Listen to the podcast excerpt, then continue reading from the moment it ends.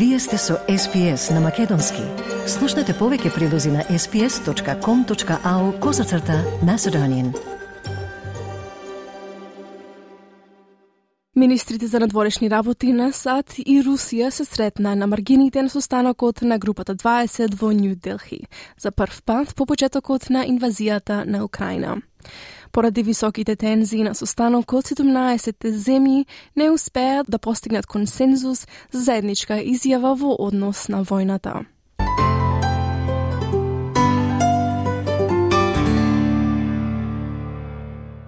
Главната точка на дискусијата на групата 20 водечки индустријски и земји во развој, кој се одржа во Индија, беше војната во Украина. Државниот секретар на Соединетите Американски држави Ентони Блинкен повика на значајна дипломатија, што може да произведе цитат праведен и долготраен мир. I told the foreign minister uh, what I and so many others said last week at the United Nations and what so many G20 foreign ministers said today. End this war of aggression. Engage in meaningful diplomacy that can produce a just and durable peace. Повеќе делегати ја повика руската влада да ја прекине својата инвазија.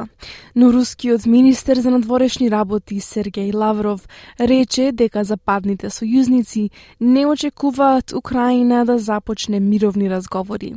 Тој вели дека Украина е охрабрена да ја продолжи војната. Многократно публично говорили, што никогда I don't remember any of my Western colleagues, from a number of other countries, urging Ukraine for talks. There is truth in this.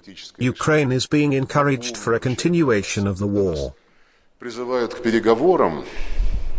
Я не помню Русија не е единствената земја која представува предизвик за САД.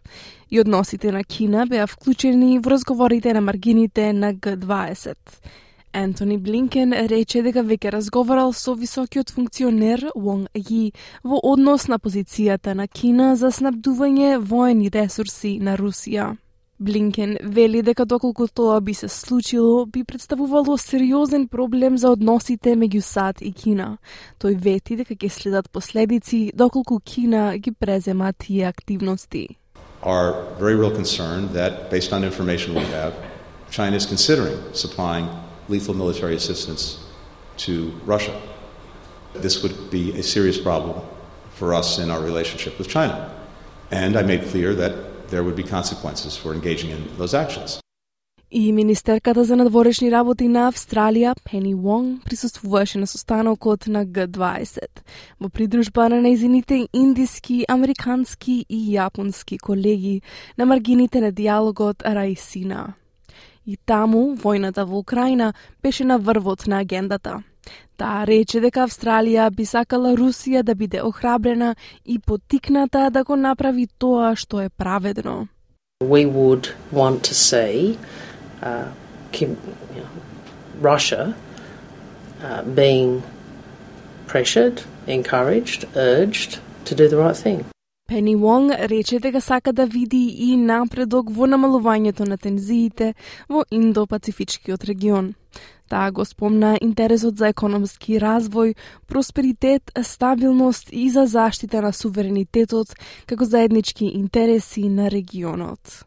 There are things that we engage with Pacific Island nations on, things with which we engage with the ASEAN uh, countries of the ASEAN region on, uh, issues on which we engage in this grouping, and they are all uh, aligned with our interests in, in uh, economic development, in prosperity, in stability, uh, and in the protection of sovereignty. Состанокот на Г20 заврши без официјална заедничка изјава и покрај личниот апел од земјата домакин. Министерот за надворешни работи на Индија е Субрахманијам Јај Шанкар. Тој рече дека постоеле различни ставови околу украинското прашање. There was a chair summary because there were differences uh, on the Ukraine issue which uh, we could not uh, reconcile between uh, various parties who held uh, uh, differing uh, positions. Следниот состанок на лидерите на Г20 ќе се одржи во септември, а домакин на неговите 18 колеги во Нью Делхи ќе биде индискиот премиер Нарендра Моди. Тоа беше прилогот на Дебра Грок и Aaron Фернандез за SBS News. Стиснете, ми се допаѓа, споделете, коментирајте. Следете ја SPS на Македонски на Facebook.